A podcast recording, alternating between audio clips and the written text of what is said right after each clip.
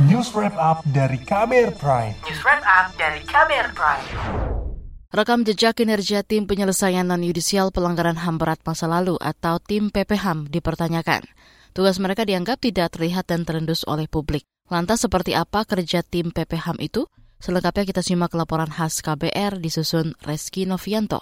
Saudara Presiden Joko Widodo membentuk tim penyelesaian non-yudisial pelanggaran HAM berat masa lalu atau PPHAM pada September lalu. Tim dibentuk melalui keputusan Presiden. Tim PPHAM bekerja hingga 31 Desember 2022 untuk mengkaji kasus-kasus HAM berat masa lalu yang bisa ditangani lewat jalur non-pengadilan atau non-yudisial. Ada 13 kasus pelanggaran HAM masa lalu yang resmi ditangani Komisi Nasional Hak Asasi Manusia atau Komnas HAM. Kasus-kasus itu adalah peristiwa Trisakti, Semanggi 1 dan Semanggi 2 yang terjadi pada 1998 hingga 1999, lalu kasus Mei 1998 dan Wasior 2001 hingga 2002, Wamena 2003, Kemudian ada juga peristiwa penghilangan orang secara paksa 1997 hingga 1998, kasus Talang Sari 1989, peristiwa 1965 hingga 1966, penembakan misterius 1982 hingga 1985, Jambu Kopok 2003, Simpang Kakak Aceh 1999, Rumah Gudong dan Pos Satis Aceh 1989,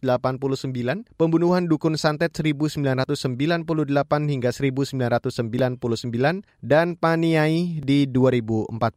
Khusus kasus terakhir, yakni tragedi Paniai di Papua sudah masuk pengadilan meski belum tuntas. Selama tiga bulan terakhir, tim PPHAM baru muncul ke publik pekan lalu. Menteri Koordinator Bidang Politik, Hukum, dan Keamanan Mahfud MD menyebut tugas tim PPHAM akan selesai awal tahun depan. Perkembangan pelaksanaan tugas tim penyelesaian non yudisial pelanggaran HAM berat di masa lalu sekarang sudah sampai pada tahap finalisasi dan insya Allah pada awal tahun 2023 sudah uh, selesai dan hasilnya akan diserahkan kepada uh, Presiden. Mahfud mengatakan pembentukan tim ini tidak untuk menghapus proses yudisial kasus pelanggaran HAM, sebab proses yudisial masih diakui sebagai perintah undang-undang. Pernyataan Mahfud dipertegas Wakil Ketua Pelaksana Tim PPHAM Ifdal Kasim. Ifdal memastikan tugas dan kinerja dari tim terus berjalan sesuai kepres. Ia pun optimis hak-hak para korban di 13 kasus pelanggaran HAM berat bisa segera dipulihkan dari berbagai FGD yang kita lakukan itu kan pada tiap kasusnya. Sehingga kita udah menampung sekian banyak harapan dan juga keinginan dari para korban ini. Dan kita juga udah mendapat jumlah korban di masing-masing kasus itu. Uh, karena itu kita kan uh, meminta agar rekomendasi terkait pemulihan ini pemerintah harus melaksanakannya gitu. Melalui apa? Apakah ada institusi tersendiri atau tidak itu tergantung kepada pemerintah. Karena kami tidak sampai mengeksekusinya gitu. Kami hanya mendesain bentuk-bentuk pemulihan pilihan aja. Ifdal mengatakan tim PPHAM tidak dimandatkan untuk memberikan rekomendasi terkait penyelesaian kasus secara judisial, sebab tim hanya ditugaskan untuk memberikan analisis dan desain untuk pemulihan hak para korban di 13 kasus pelanggaran HAM berat. Ia mengatakan tim PPHAM akan memberikan rekomendasi pemulihan, sementara implementasinya akan diserahkan kepada pemerintah dalam hal ini Presiden. Di sisi lain, Komnas HAM sepakat bekerja sama dengan tim PPHAM dalam mewujudkan pemulihan kepada korban pelanggaran HAM berat masa lalu. Komisioner Komnas HAM Anis Hidayah mengatakan, kerjasama ini telah disepakati dalam nota kesepakatan tentang penggunaan data dan informasi hasil penyelidikan pelanggaran HAM berat masa lalu.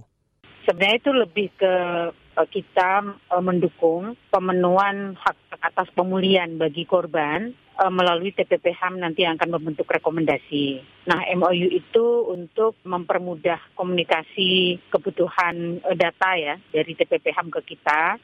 Akan tetapi, kerja tim PPHAM itu diragukan kalangan masyarakat sipil. Peneliti LSM HAM Kontras, Jane Rosalina mengatakan, tim PPHAM dipakai negara sebagai jalan pintas penyelesaian kasus pelanggaran HAM berat masa lalu.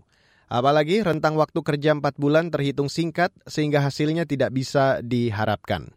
Kerja-kerja yang sangat-sangat cepat, mengumpulkan data ke kelompok korban yang sangat-sangat sporadik tersebar dari berbagai daerah dengan kompleksitas isunya masing-masing itu tentu masa kerja tersebut akan menimbulkan konsekuensi yang buruk gitu terhadap perwujudan tugas tim PPHAM. Hmm. Apalagi tugasnya kalau kita lihat di pasal-pasalnya itu banyak kali tugasnya gitu kayak pengungkapan kebenaran. Apa yang kita harapkan dari adanya pengungkapan kebenaran selama waktu 4 bulan gitu.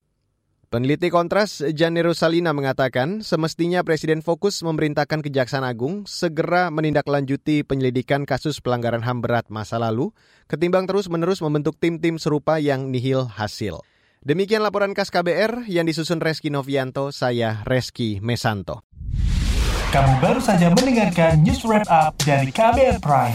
Dengarkan terus kbrprime.id, podcast for curious minds.